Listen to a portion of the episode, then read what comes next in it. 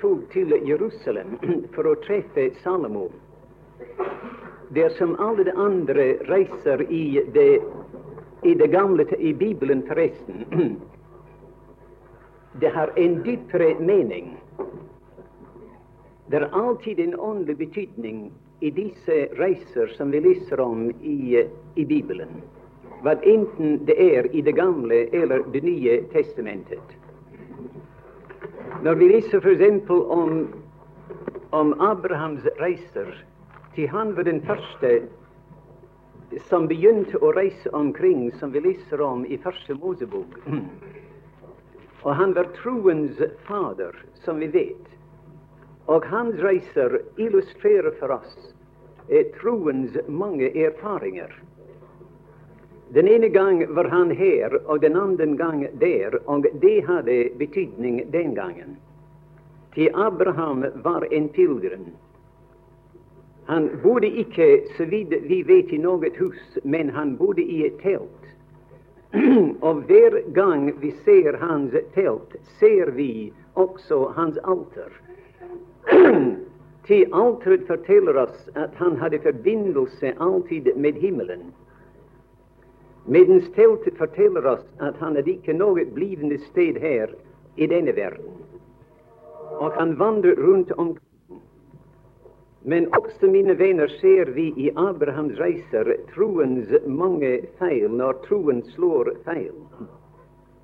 Den første feil som Abraham gjorde, var da Gud kalte ham ut av Mesopotamien, ut av kaldernes ur, og sa at gå til det sted som jeg skal vise deg. Og du skal gå fra ditt hjem og faderhuset og ditt land. Da leser vi at da gikk Tara, hans gamle far, og tok Abraham med seg. Nå, Gud har ikke kalt Tara til å gå på en pilegrimsferd. Til det gamle mennesket, mine venner, kan ikke være noen pilegrim. Og vi leser Tara med Abraham med seg kom så langt som til et sted som heter Karan. og Karan betyr mitt bjerg, altså ikke Herrens bjerg. Og selve Tara betyr opphold, altså den som oppholder oss og hindrer oss. Og jeg vet ikke, jeg husker ikke nå nøye hvor mange år det var at Abraham stanset der i Karan, altså ved mitt bjerg.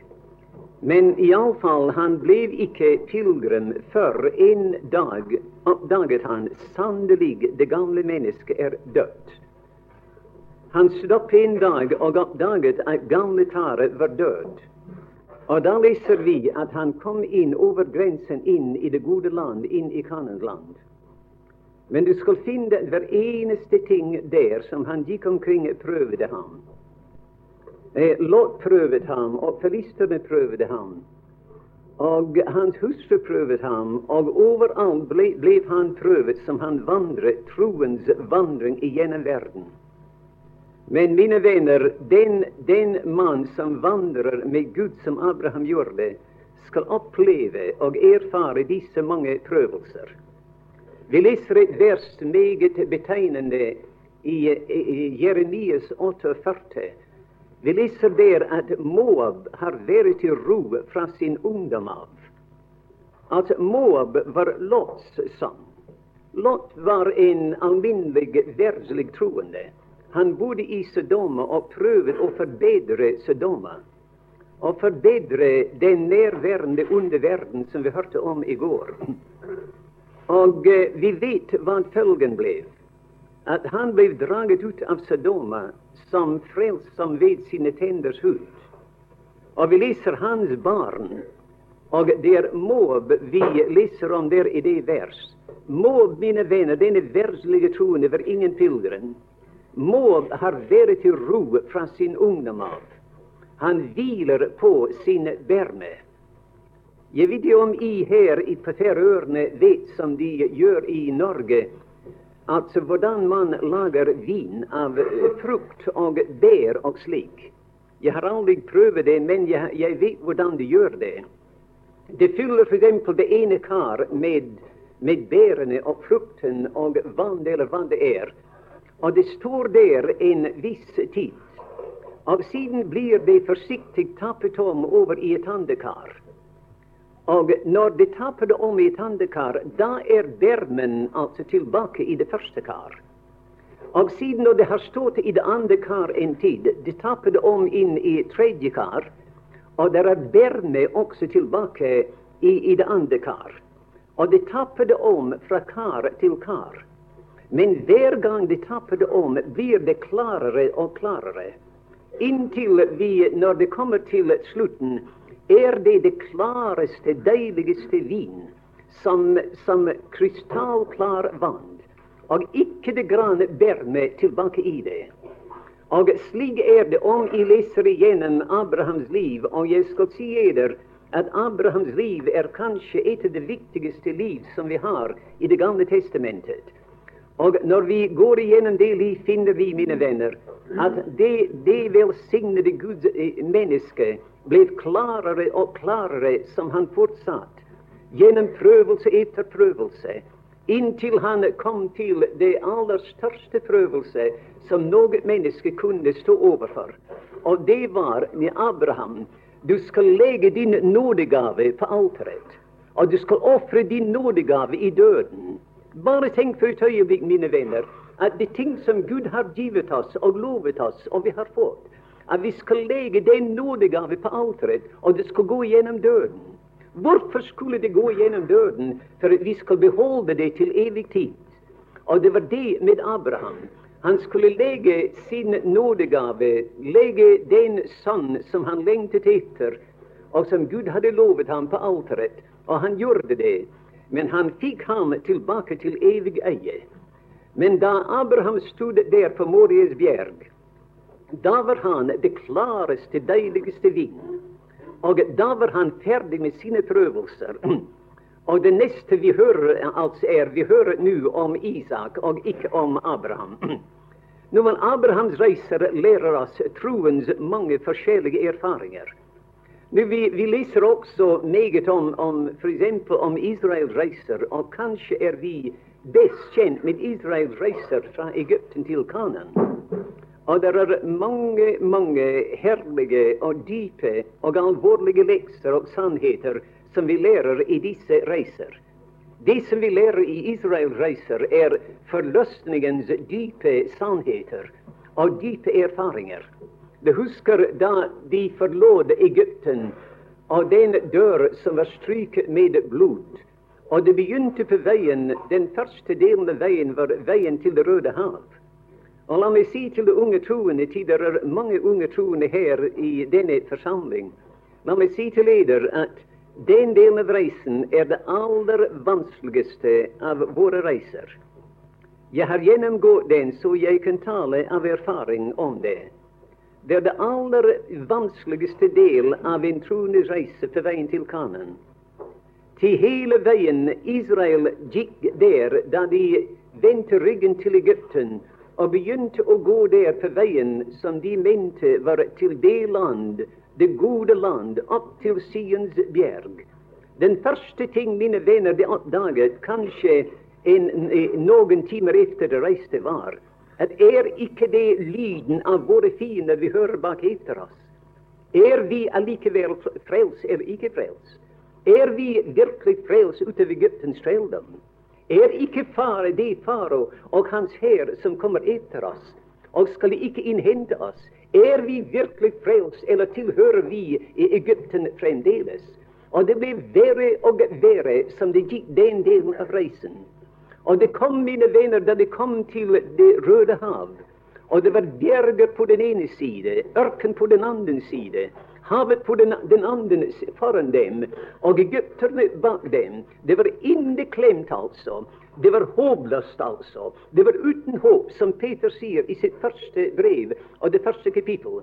Men da leser vi som Peter sier, og som han antagelig tenkte på da han skrev det, at vi var gjenfødt til et levende håp. Til et levende håp. Ved Kristi oppstandelse fra de døde til en arv, en herlig arv.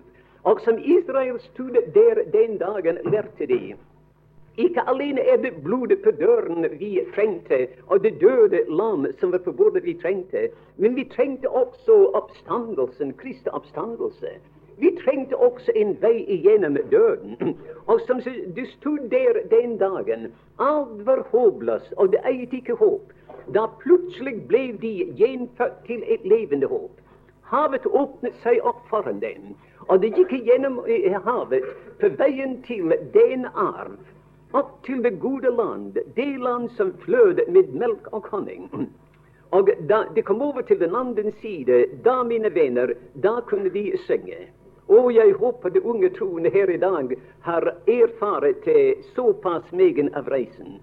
At du ser, mine venner, at uh, ikke alene er, er uh, din dom båret av lammet, og dine sønner er borte, men at veien er åpnet for deg til den andre side, og du er på den andre side sammen med Kristus, som ble nevnt i går, at ikke alene døde Kristus som oss, men han oppstod som oss fra de døde. Og vi står der på oppstandelsens side av døden.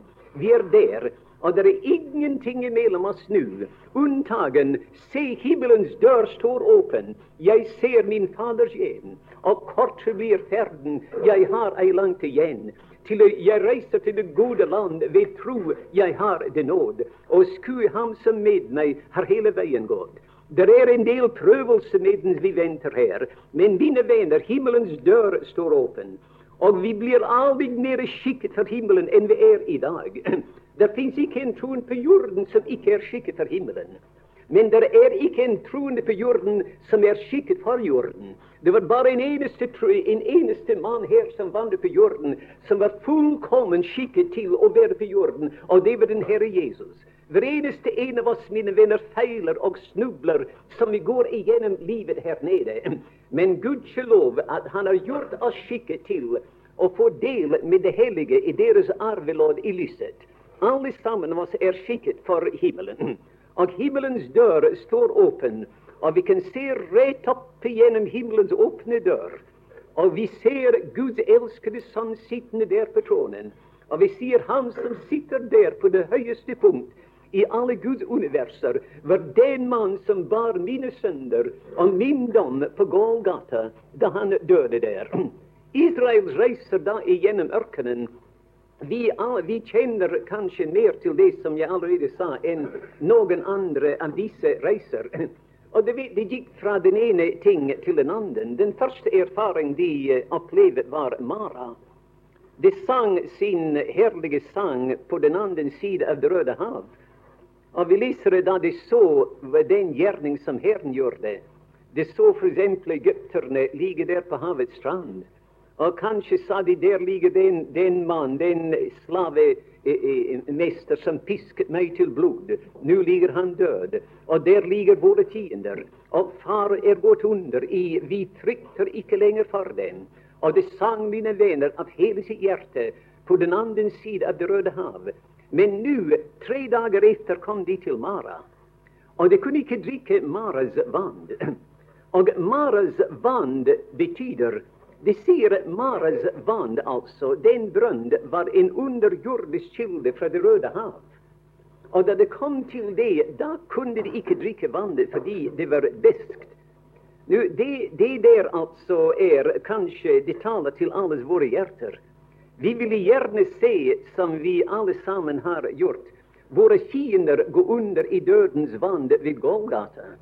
Men når du og jeg må drikke dødens vann, og når du og jeg må, eh, må si jeg er død med Kristus, død for selvet, jeg er korsfest med ham, død for verden, død for alt som er rundt omkring meg. Jeg tar hver eneste slektskap i livet opp i et nytt lys nå, både til miljen hustru, mannen, børnene, forretning og alt sammen. Jeg ser nå på en aldeles ny måte. Jeg er død for de ting som er her i denne verden. Da sier vi det er bitter vann. Og vi kan ikke drikke det vann, mine venner, unntagen vi ser tre ganske nær til vannet. Og unntagen vi tar treet og kaster det i vannet. Altså treet som går igjennom hele Bibelen, er Golgates tre. Altså billedlig talt. Og når vi sier, den, når vi sier Herre Jesus, Ah, det var din død på Golgata, dine lidelser der, som gjorde det. Du døde der nettopp for denne sønn, for å befri meg fra dette. Da, mine venner, blir vannet søt, og vi kan drikke det. Nå vel, vi, vi, Man kunne gå igjennom, det er ikke min mening å gjøre det. Men det er alle disse reiser, f.eks. Abrahams reiser og Jakobs reiser og, og de andre reiser, Rebekkas og Israel reiser og mange andre, profeten Elias og disse, og hver eneste en av dem har en åndelig lekse å lære oss. Men også denne, denne reise som vi leste om i dag, da dronning av Saba kom til Jerusalem for å treffe Salomo, det har også dype lekser å lære oss. Altså, Denne reise var ikke en alminnelig reise som den ene konge eller besøk som den ene konge eller kongelig avlegger den andre. Det har ikke noe med det politiske spørsmål å gjøre da hun kom til Jerusalem. Til vi leser i det første vers at reisen skyldtes Herrens navn. Det var, det var, mange ubesvarlige spørsmål og vanskeligheter i denne kvinnes sjel. Hun hadde, hadde hørt ryktet om Salomo i Jerusalem. Og hun sa i sitt eget land at den mannen skal jeg se. Det kan hende at hennes rådgivere den gangen sa til henne vil du virkelig foreta den lange, lange reise til Jerusalem for å treffe en mann som du bare har hørt om, og du har hørt ryktet om ham, og vil du virkelig reise den lange reise for å treffe den mann? Hun sier, jeg har hørt om Salomo. Og jeg har spurt mine rådgivere og mine vise her i dette mitt eget land. Og jeg kan ikke få noe svar på mine vanskeligheter her. Og den mannen skal jeg treffe, koste hva det koste vil. Nu, der, la meg si, mine venner, det er to deler altså i denne, i denne tildragelse her. Det er dronningen og dronningens egen side i sitt eget land. Og det er Salomos side, der han var i sitt land. Det er to sider til frelse, som vi alle vet. Er, vi er frelst fra, og vi er frelst til. Og la meg si til oss alle sammen i dag her Jeg kjenner, jeg kjenner naturligvis nesten alle sammen her ved å se dem og tale med dem. Men jeg kjenner ikke noens hjerte her i dag. Jeg kjenner ikke noens erfaring nettopp nå i dag. Men én ting vet jeg, at hver eneste hjerte her i dag har vanskeligheter og, og, og spørsmål som de ikke kan få i, i, i tilfredsstillelse angående. Og de kan ikke få et svar på den. Det er unge troende som har hørt som dronning av Saba i sitt eget land ryktet om Salomo. Og det er vidunderlig, mine venner, når vi hører for første gangen og det går opp for oss ryktet om vår velsignede Herre. Du husker kvinnen i Johannes, eller i Lukas den åttende kapittel. Hun hørte ryktet om Jesus. Og hun kom til Jesus også, og hun fikk alt som hun ønsket der da hun kom til ham. Det var ikke bare nok for henne å høre ryktet om ham og si det er vidunderlig at jeg hører ryktet om ham, og jeg hører han gjør veldige undergjerninger. Og jeg trenger en undergjerning, og jeg kan ikke få hjelp fra legene her. Men eh, hun sa ikke, hun resonnerte ikke på den måten. Hun hørte ryktet om Jesus, og hun kom til Jesus. Nå det er som jeg sa, at det er de, de troende her i dag, og kanskje det eldre så vel som de yngre troende her i dag. Det alle sammen vi er troende fordi vi har hørt ryktet om den Herre Jesus. Disse vidunderlige ting, mine venner, som Gud elskede Sønn gjorde, som ingen anden i himmelen eller på jorden kunne gjøre. Gud så elskede verden at han sendte sin sønn, den enbårne, og han kom her ned. Og da han kom her ned, og han så hvordan det var i denne verden her Han så verden, mine venner, var en tåredal. Han så at verden var som en stor kirkegård. Og da han så den herjing som døden hadde eh, virket i denne verden, og han gred sine bitre tårer som han gikk gjennom verden her. Og han sa, 'Jeg skal treffe kjempen, og jeg skal treffe disse fiender.' 'Og jeg skal til, veie bringe det verk, forløsningens veldige gjerning.' Og han gikk mine venner på veiene gjennom denne verden. Og Faderen gikk ved siden av ham på veiene gjennom verden. Faderen og Sønnen. Ingen så Faderen, mine venner, unntagende oppdaget Faderen i Sønnen. Den som har sett meg, har sett Faderen. Den som har sett meg grede, har sett Faderen. Den som har sett meg ynkes over det uomvendte, har sett Faderen. Den som har sett meg oppreise døde og rense spedalske, har sett Faderen. Og det gikk, mine venner, side om side igjennom verden her.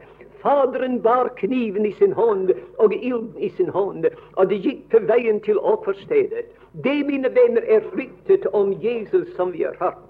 Og da han kom der til offerstedet, da, da den sjette time kom, og det var mørke over hele landet inntil den niende time, da røynet vredens bølger ned ovenfra, og ilden brente inn i hans sjel der da han hang på korset. Og den tårnekronet, gjennomstunget Herre Jesus, han døde der, mine venner, for våre synder, og fjern våre synder, og fjern vår dom. Han døde for oss der. Og så fullkommen tilfredsstillede han Faderen. Og Faderen var så tilfreds med den måten på hvilken han gjorde verket, at han sa, min sønn, jeg må oppreise deg fra de døde, ikke bare ved min kraft, men ved Faderens herlighet. Ved Faderens herlighet ble han oppreist fra de døde, og han sitter nå i dag ved Faderens høyre hånd i det høye. Nå, Jeg vet, mine venner, at disse ting er, Du har hørt dem kanskje hundrevis av ganger, og du tror det av hele ditt hjerte. Og du har bekjent det med din munn. Til om vi med vår munn skal bekjenne at Jesus er oppstanden fra de døde, om vi tror i vårt hjerte og bekjenner med munnen, da er vi frelste. Og derfor er vi frelste. Men si meg i dag, mine venner, er det ikke sant at det er ubesvarede spørsmål i eders hjerter i dag? Hva, for eksempel når du tenker på døden, hvordan føler du deg da? Er, har du ikke de samme følelser med angående døden som du hadde nesten før du ble en kristen? Er eh, troende, altså, i tusenvis i dag vet ikke at Goliat er halshugget. Troende i tusenvis i dag vet ikke at døden som Goliat med sitt sverd var et bilde av, at døden er tilintetgjort. Apostelen forteller oss i det andre kapittel i Hebreerbrevet at en grunn hvorfor Kristus ble et menneske Det er flere grunner omtalt der hvorfor han ble et menneske.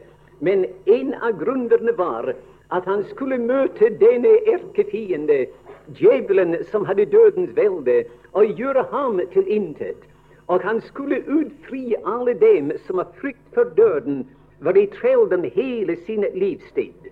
Å, mine venner, det er vidunderlig når denne, denne eh, eh, vanskelighet, denne gode, er løst for oss.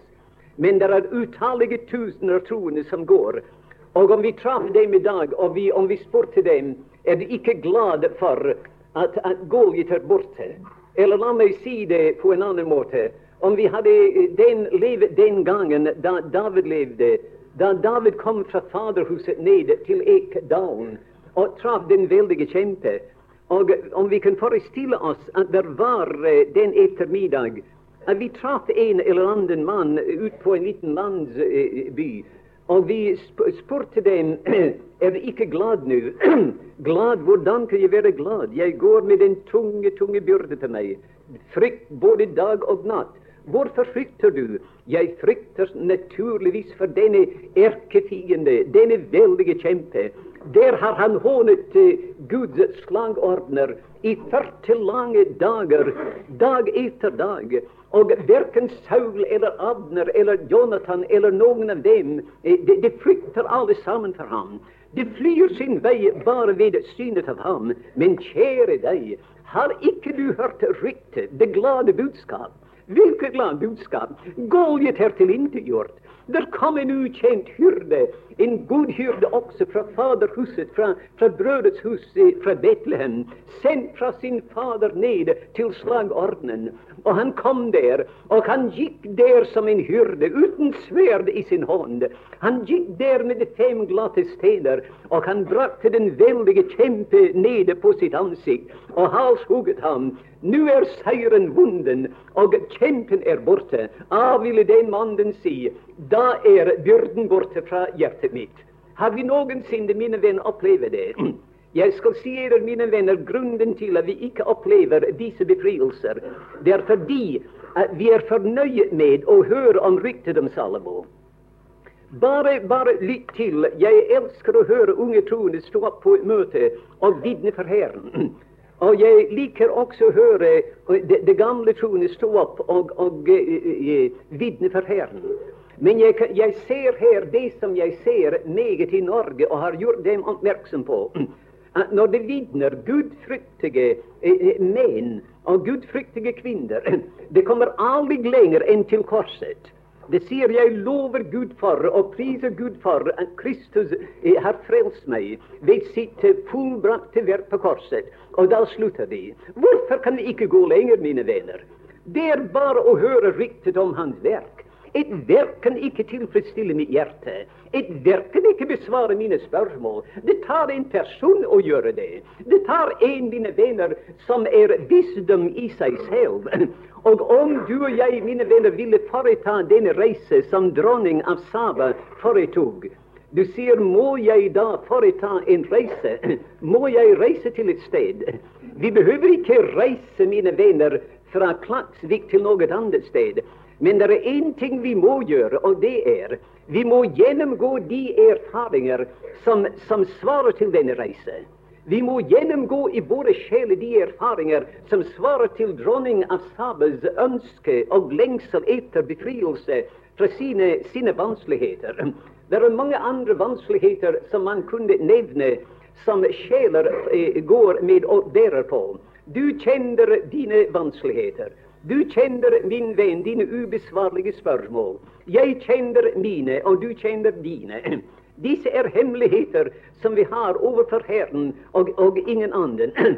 Og vi skal aldri få besvarelse fra disse spørsmål om vi bare er opptatt med Kristus på korset og hans fullbrakte verk.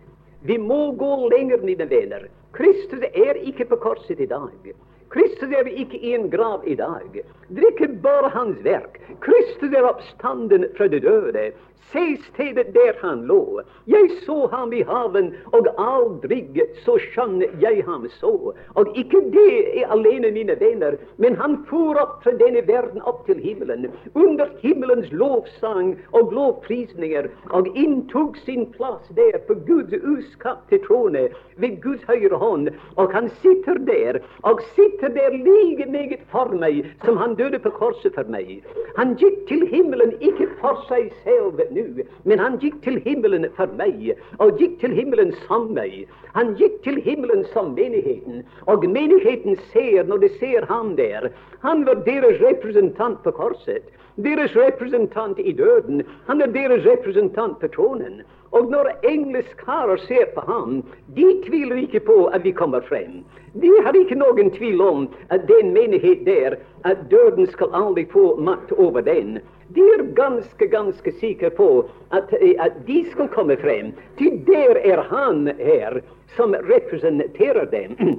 Men jeg, det jeg skulle si, var at når du og jeg foretar i våre sjeler den, eller går igjennom disse bønnekamper, bibellesning, mine venner, og lese Bibelen der, lese Bibelen på våre kne. Vi kan ikke være dypt nok i ydmykhet når vi leser Guds velsignede ord, og gå grundig på det. Og da når vi gjør det, det vet, Den reise som hun tok, eh, det, det foretok antagelig jeg vet ikke hvor mange uker eller er dager det tok. Men reisen som du og jeg tar til ham, det kan foregå bare på et øyeblikk. Jeg tenker ofte på Vi taler om, om helliggjørelse. Og det er mange som strever og strever i dag etter et helliggjort liv. Og de, taler, de mener at det er meget vanskelig å komme frem til, eh, til det, det liv, et hellig liv. Fullkommen helliggjørelse. Jeg mener ikke fullkommen syndefrihet. Der fins ikke slike mennesker i verden. Men det kan være, mine venner, at vi nyter fullkommen helliggjørelse. Og det er mange som mener det er et meget, meget vanskelig stadium i livet for en troen å komme til. Men jeg, jeg, husker en gang det var som en åpenbarelse for meg da jeg leste det. Jeg leste igjennom det syvende kapittel i Romerbrevet, og leste fra det fjortende vers i det kapittel. Og om vi leser igjennom det ved leilighet, skal vi finne at jeg tror det er 37 ganger denne kjære sjel taler om seg selv. Jeg, jeg, jeg og jeg. Og den mann, mine venner, som taler om seg selv der i det syvende kapittel, han, han, var den samme mann som sang den lovsangen i det femte kapittel. Da vi nå altså er rettferdiggjort av troen, har vi freden i Gud ved vår Herre Jesus Kristus. Han var en rettferdiggjort mann, en frelst mann. Men nå går han igjennom en annen erfaring. Det var ikke rettferdiggjørelse han lengtet etter, men helliggjørelse. Og han sitter der, og hvordan skal jeg komme frem til det? Jo, han ville pine seg selv. Og han talte om seg selv. Og det gode som jeg vil, jeg kan ikke gjøre det.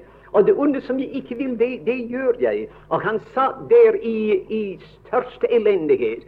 Og det kom, mine venner, han gikk så dypt i denne elendighet at han skrek ut fra dybden av sin sjel. Elendige menneske jeg er. Hvem skal fri meg fra dette dødens legeme? Han, apostelen brukte antagelig et, et bilde fra det som en måte romerne straffet sine verste fanger. Altså mange av disse fanger, det verste, det bandt et lik til vedkommende. Det bandt lik til denne fange, hender til hender og ansikt til ansikt. Og mange av disse fanger de ble gal av det. Andre døde av en alvorlig sykdom eller noe slikt. Og apostelen betrakter dette mennesket som han prøvde selv å forbedre. Han, han, betraktet ham som et lik, simpelthen. Hvem skal fri meg fra dette dødens legeme? Og da, mine venner, og det var det jeg skulle si på et øyeblikk roper han ut 'Jeg takker Gud ved Jesus Kristus, vår Herre'. Altså på et øyeblikk bort fra dette lik, fra dette dødens legeme, og han festet sine øyne på den oppstanden og herliggjorte Kristus. Og øyeblikkelig kom befrielse. Og det, neste, det aller neste ord vi leser, er en sang. En herlig sang. Vet, vi taler somme tider bare om én sang i ørkenen, men det var to sanger i ørkenen. Det var en sang i begynnelsen av ørkenvandringen, som vi har talt om. Og det var en sang ved slutten av ørkenvandringen. Og det var den sang som, som den sjel synger nå. Han åpner sin munn, og han synger Der er da nu ingen fordømmelse for dem som er i Kristus Jesus. Og han jublet igjennom denne, det kapittel, det åttende kapittel, full av Den hellige ånd og Den hellige ånds befrielse. Det begynner med ingen adskillelse, ingen fordømmelse. Og det, det slutter med ingen adskillelse. Og innimellom er det ingen anklagelse. Et vidunderlig kapittel, mine venner. Det, mine venner, er helliggjørelse. Og det begynner ikke ved vår stred. Ikke jeg prøver det og anstrenger meg. Men det betyr at jeg løfter mine øyne fra dette det dødens legeme dette stygge mennesket som ikke engang Gud kan forbedre, eller Gud kan gjøre til en kristen. Og istedenfor å forbedre ham, jeg løfter mine øyne fra ham, og jeg fester mine øyne for Kristus, og jeg sier der er min hellighet, og der er min rettferdighet, og der er min visdom. Han er gjort for oss til visdom rettferdiggjørelse, helliggjørelse og forløsning. Han er med andre ord han er alt og i alle. Han er vårt liv, mine venner. Og du og jeg, og det liv vi burde leve, mine venner. Han har tatt oss ut av denne verden og sendt oss inn igjen som seg selv. Han er i himmelen som oss, og vi burde være på jorden som ham. Vi burde representere ham på jorden her. Og hver eneste handling som jeg gjør, hvert ord jeg taler, alt som jeg gjør i denne verden, burde forestille Kristus. Jeg burde leve og gjøre som han ville gjøre om han var i mine omstendigheter. Nå vel, det var, det var, det var en, eh, kanskje en avstikker fra det her. Men her var dronning av Saba på sin egen, sin egen side. Med alle disse ubesvarlige spørsmål, gåter og spørsmål som ingen kunne besvare der i sitt land. Og det svarer, som jeg sa, til de som har hørt bare ryktet om Jesus, og har hørt evangeliet om hans død og fullbrakte verk. Og det er frelst på grunn av det, og gudskjelov det er frelst. Og det blir lykkelig, evinnelig i himmelen på grunn av det. Men mine venner, det blir ikke fullkommen lykkelig på jorden her om, om de ikke har noe annet. De må fortsette å nyte den oppstandende Herre Jesu i, i, i liv her. Og det er det vi finner her, at dronning av Saba hun kom til Salomo, som vi leser i det andre vers, og hun kom til Jerusalem. Og det jeg ville Jeg leste det to ganger forresten, for bare å betone det. Vi leser her at hun kom der. Da talte hun med ham. Altså Det er en, en hovedbetingelse. Hun holdt samfunn med ham. Og ikke bare talte med ham, men han talte med ham om alt som der var i hennes hjerte. Hun holdt ingen hemmelighet tilbake. Jeg hørte om en troende som sa en gang jeg ville ikke gi Kristus nøkkelen til hjertet mitt. Nå vel, om vi ikke ville gi ham nøkkelen, mine venner, til våre hjerter, da kan vi være forberedt på altså at vi aldri skal nyte den glede, den fullkomne glede, som det er hans mening vi skal nyte her nede i verden. Men da hun kom til Jerusalem, da den første tingen var hun holdt samfunn med ham. Og hun sa 'min, min herre konge', og hun åpnet hele sitt hjerte. Og hun fortalte ham disse hemmeligheter. Å, si meg, mine kjære unge troende her i dag, mine kjære venner, har vi alle sammen gått inn i hans nærværelse? Inn alene med ham? Har vi lukket døren til verden og vennene etter oss? Har vi gått der, der bøyet for hans åsyn der? og fortalt ham hver eneste hemmelighet som er i vårt liv. Og hvorfor vi taler, og hvorfor vi gjør det, og hvorfor våre gjerninger. Og fortalt ham alt sammen, så det ikke er noen hemmelighet mellom ham og meg. Har vi ikke behandlet ham, mine venner, som den mest fortrolige venn som vi har i hele universet? Mer fortrolig enn vår aller fortroligste venn her i denne verden. Det burde være så.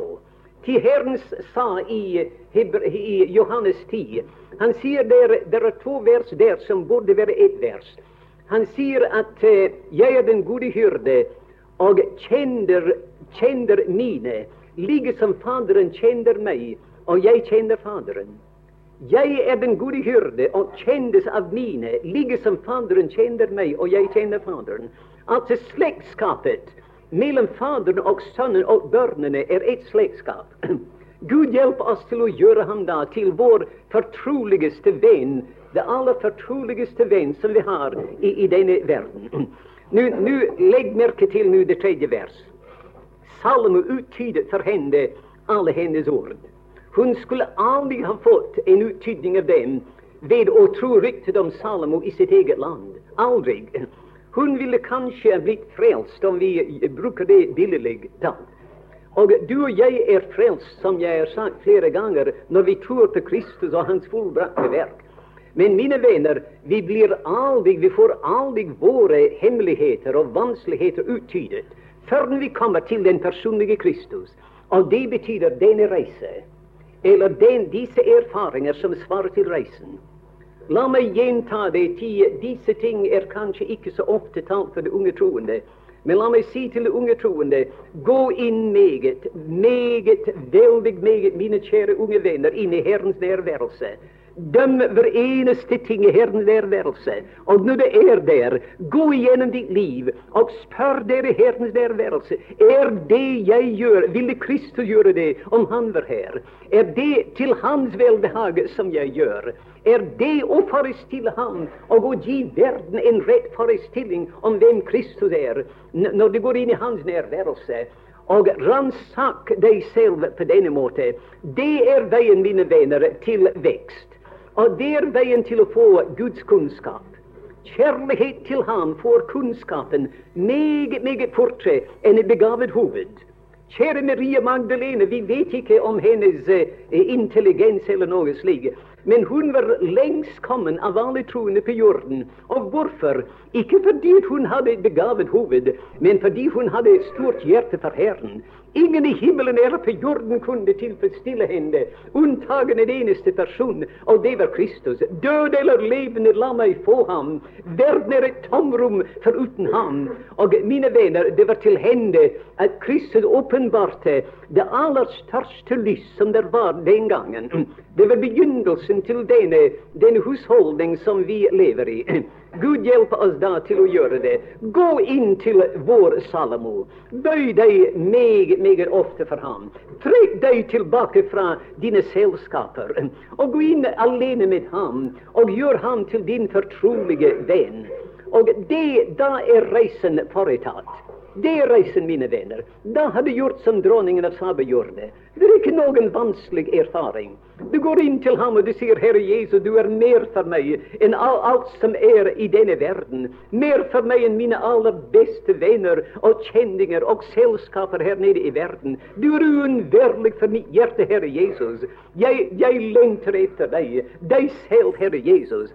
Da, når, vi, når det er våre hjerters erfaring, da, mine venner, da er reisen foretatt. Da har vi gjort som dronning av Saba har gjort, og vi er i hans nærværelse. Og da kan vi begynne å holde samfunn med ham om det som er i våre hjerter. Og følgen blir han skal uttyde for oss i alle våre ord og våre vanskeligheter.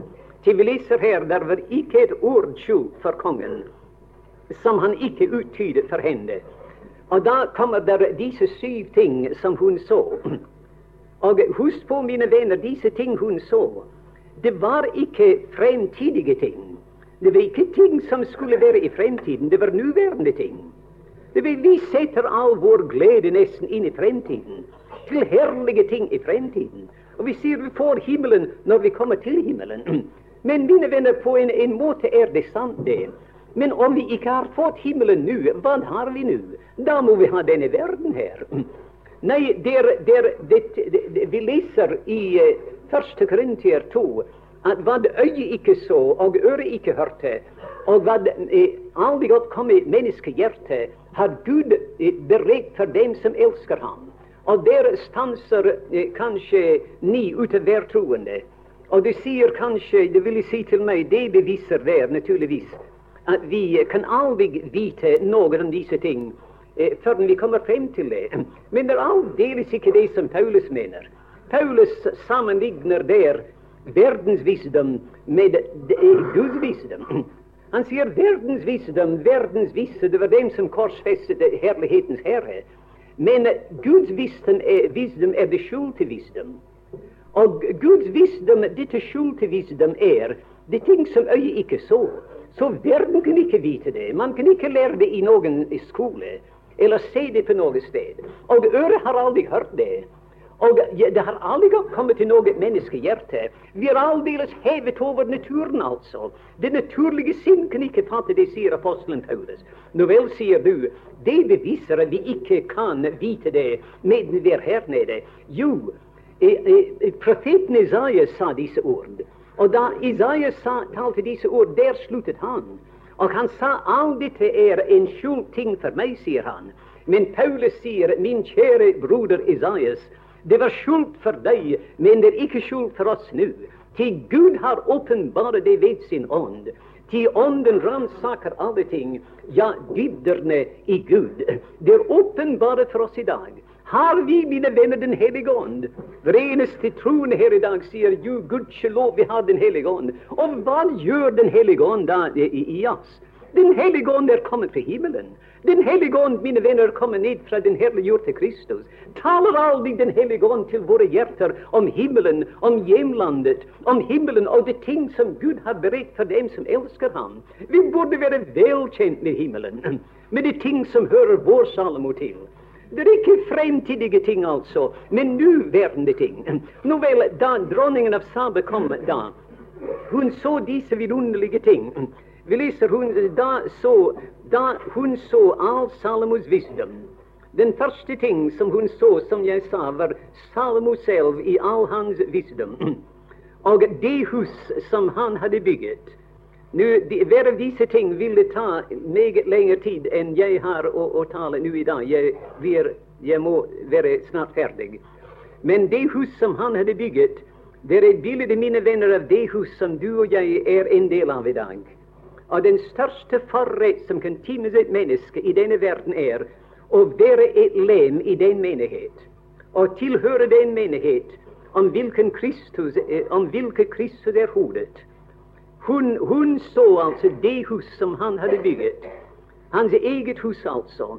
Et bilde av det hus som Herren talte om til, til Peter. At på denne klippe, altså på klippen, den oppstanden i, i, i klippe, at du er den levende Guds sønn. Den levende Gud er Guds tittel i oppstandelsen. Og det skulle bygges på oppstandelsens side av døden så at dødryggets porter skulle aldri få makt over menigheten. Jeg har ofte tenkt over det. Det er mange, mange forskjellige systemer og, og, i, i, denne verden. Alle mulige foreninger og systemer og ting. Og de slåss med hverandre, og de, de er veldig gode venner med hverandre, og de, de lever, går helt opp i disse ting. Men mine venner, når disse ting kommer til døden, da får døden seier over dem. Det fins ikke frimurere eller, eller, eller, eller kommunister eller, andre partier utover grensen inn i evigheten. Det er bare mennesker der. Men menigheten, mine venner, er menigheten i evigheten. Menigheten blir Guds menighet evinnelig, og blir Guds eh, fylde med Kristus som hoved evinnelig. Menigheten blir Jerusalem, Guds stad, som åpenbarer for hele universet den fylde av herlighet som der bor i Kristus. Nå vel, det er det hun så, altså det hus som Salmo hadde bygget. Et bilde altså for oss av, av det hus som Kristus bygger i dag. Og hun så maten på hans bord. Det er ikke rasjonering der. Jeg husker i Norge i gamle tider, da jeg kom til forskjellige steder, Folk ville si å, det er godt at du kom, vi er så sultne, så sultne her. Vi har ikke hatt noen predikant her på lange, lange tider. Og da tenkte jeg mange ganger, og jeg tror jeg sa det, stakkars disse kjære troende, om det beror på predikanter for å få litt mat til seg. Nei, mine venner, bordet er alltid dekket, og det er rikelig med mat i det hus. Det er ingen rasjonering der.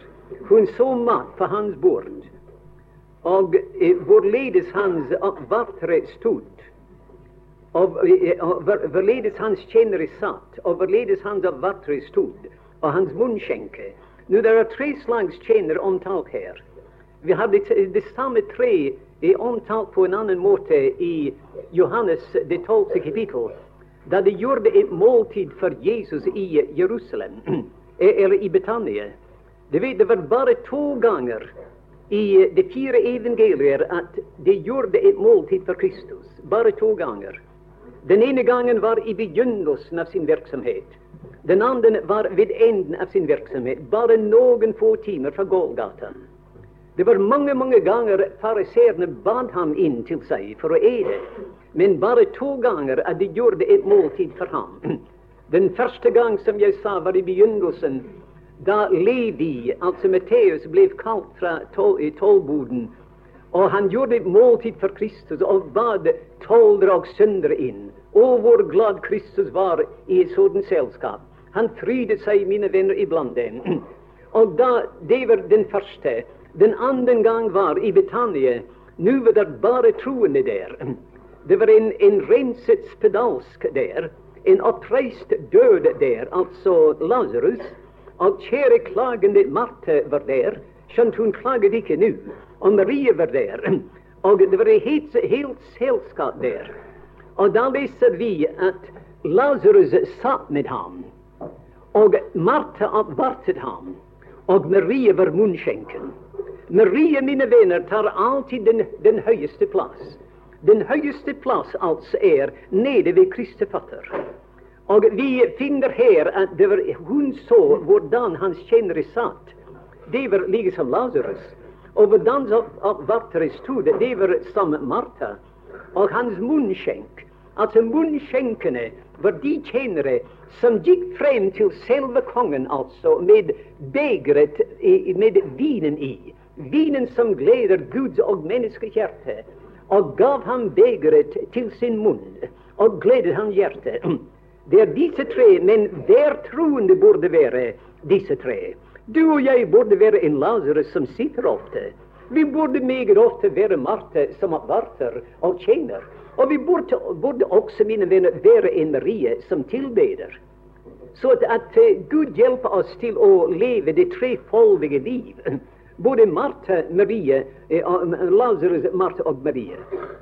Men nå bare et par ord til slutt. Vi leser nå om han, de, hun så hans oppgang, av hvilken han gikk opp til Herrens hus. Nå Hans oppgang, det var kongens egen oppgang til Herrens hus. Jeg tror ikke det var tillatt at folket i alminnelighet gikk opp den oppgang. Det var hans oppgang at hvilken han gikk opp til Herrens hus. Hvilken oppgang, mine venner, var at vår Herre, vår Frelser, gikk opp til Herrens hus. Hvilken oppgang var det han brukte da han gikk opp og satte seg der ved Majestetens høyre hånd i det høye? Jeg skal si eder hvilken oppgang det var. Han førte sine disipler ut så langt som til Betania. Og han oppløpte sine hender der i velsignelse. Og idet han velsignet dem, for han opp der fra Oljebjerget opp til Faderens høyre hånd. Hans oppgang, mine venner, blir vår oppgang om ikke så lenge. Der blir om en liten kort stund skal også vi høre det bydende rop og over England røst og Guds basun. Og vi skal fare opp, om ikke fra Oljebjerget, fra der vi er, her i Klaksvik og overalt. Vi venter på ham. Og hans komme er meget nær. Han skal komme, mine venner, og ikke tøve. Han kommer jeg meget, meget nær. Og da den siste, da hun så disse ting, da sa, leser vi at hun så det, da var hun ganske ute av seg selv. Har vi noensinne hatt denne erfaring? Du ser, nei, vi, den erfaring, det er ikke noen erfaring man kan oppleve i den nærværende tid. Men det, jeg kan lese et vers, jeg kunne sitere verset også, uten å lese det. Men du finner det verset i uh, det andre uh, brevet til uh, korinterne, og i det femte vers. Og apostelen sier at, at for mennesker er vi utenom for, for, mennesker er vi ved sans og samling. For eder er vi ved sans og samling. Men for Gud er vi utenom oss selv. Jeg samtalte i dag, Vi hadde en liten samtale, en del troende og jeg i dag. Og jeg nevnte dette vers her. At, at det var apostelens erfaring den gangen. At han sier til korinterne han sier, når jeg kommer iblant heder, og vi, Timotius og Silvanus og det andre, da er vi ved sans og samling. Da taler vi saklig og taler i sannhetene for eder. Vi er ved sans og samling. Men, sier han, når vi er for Gud, når dørene er lukket på verden, når ikke menneskets øyne ser oss, da er vi utenom oss selv, sier han. Vi har en, en erfaring der, en opplevelse der, som ikke kan beskrives. Vi, det, som vi ligger der, og jeg håper, mine venner, alle sammen av oss, det er ikke ting man kan tale om. Gud forbyde jeg skulle prøve å tale om det. Det er altfor privat til å tale om det. Men for Gud, mine venner, burde vi være utenom oss selv. Og når vi ligger der, mine venner, og når det går alt for oss, klart for oss, at jeg er benådet i den elskede, brakt ned til ham i sin elskede sann, ført inn i den samme yndes hos Faderen som Sønnen er ført inn i og som vi ligger der, mine venner, og vi ser himmelens dør åpen, og vi ser vårt hjem der, vår Faders hjem, og opplever disse vidunderlige ting, da ligger vi der. Somme tider greder vi, somme tider ler vi av bare glede. Somme tider tier vi, og somme tider taler vi. Vi er, folk ville si at den mann eller det menneske er utenom seg selv. Om det så altså. Men Gud kjenner til den erfaringen det dronning av Saba, da hun så disse ting, som dog bare var et svakt bilde av det som du og jeg er ført til, da var hun ute av seg selv. Og hun sa at sann var det ryktet jeg hørte. Men nå når jeg kommer og ser deg selv, Og jeg ser alt sammen som dreier seg om deg. Nei, ikke halvdelen er blitt meg fortalt. Det overgår i visdom og, og kunnskap og herlighet alt som jeg hørte om. Mine venner, når du og jeg en gang skal sette våre føtter eh, på de, den gylne strand i herligheten, når vi ser de ting som vi burde ta ved tro i besidelse her nede i denne verden, ligge som Israel tok landet i besidelse når vi treder inn gjennom himmelens perleporter, når vi ser for første gang dette velsignede ansikt der, og vi faller ned for Hans velsignede fatter, og vi sier, Herre Jesus, å, jeg hørte om deg på jorden hundrevis av ganger. Jeg leste om deg og har sunget om deg. Men Herre Jesus, ikke en milliondel er blitt meg fortalt av alt det som du er, og den herlighet som, eh, som kroner deg her i, i, i dette Faderens verden. Gud hjelpe oss, mine venner, da til å finne i Kristus vår alt og i alle. Bare vårt alltid og i alle, mine venner, i ham. Ikke å være tilfreds med hans verk, men med ham selv. Og gå hele veien, altså, inntil vi befinner oss i hans nærværelse. Og når vi befinner oss der, da får vi våre gåder og spørsmål besvaret. Og da kommer vi til et system av herlighet som ikke er i fremtiden, men som er i den nærværende tid. analyseerde deze verwonderlijke ding, dat kan das zien op één dag hier in deze werden, ik haalbeel er met mij vertaald. Je hebt hard vermoeden op bibellistingen, op bibeltimer, op listen, maar ik heb een haalbeel er mij vertaald op de hele. Goed help als mijn wenner til de, voor Christus.